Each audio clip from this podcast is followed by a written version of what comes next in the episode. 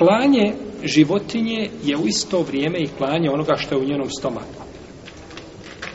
Znači, ako ima mladunče u stomaku, bez obzira koliko staro bilo, dozvoljeno je, znači, jesti, znači, to što je zaklano, to je stav džumhura, mimo Ebu Hanife, osim Ebu Hanife, ili suprotno mišljenje Ebu Hanife, Ebu Hanife to ne smatra ovaj, ispravnim, nego treba posebno klanje za to mladunče isto.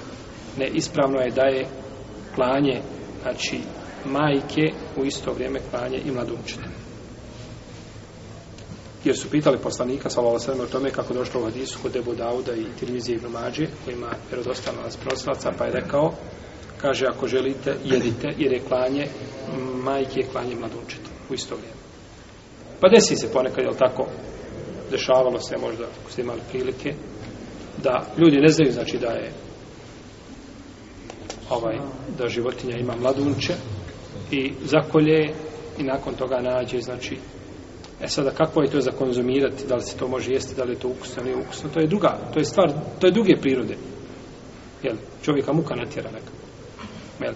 ali, ali u principu šerijatski propis da je šta dozvoljeno konzumiranje takvog misla.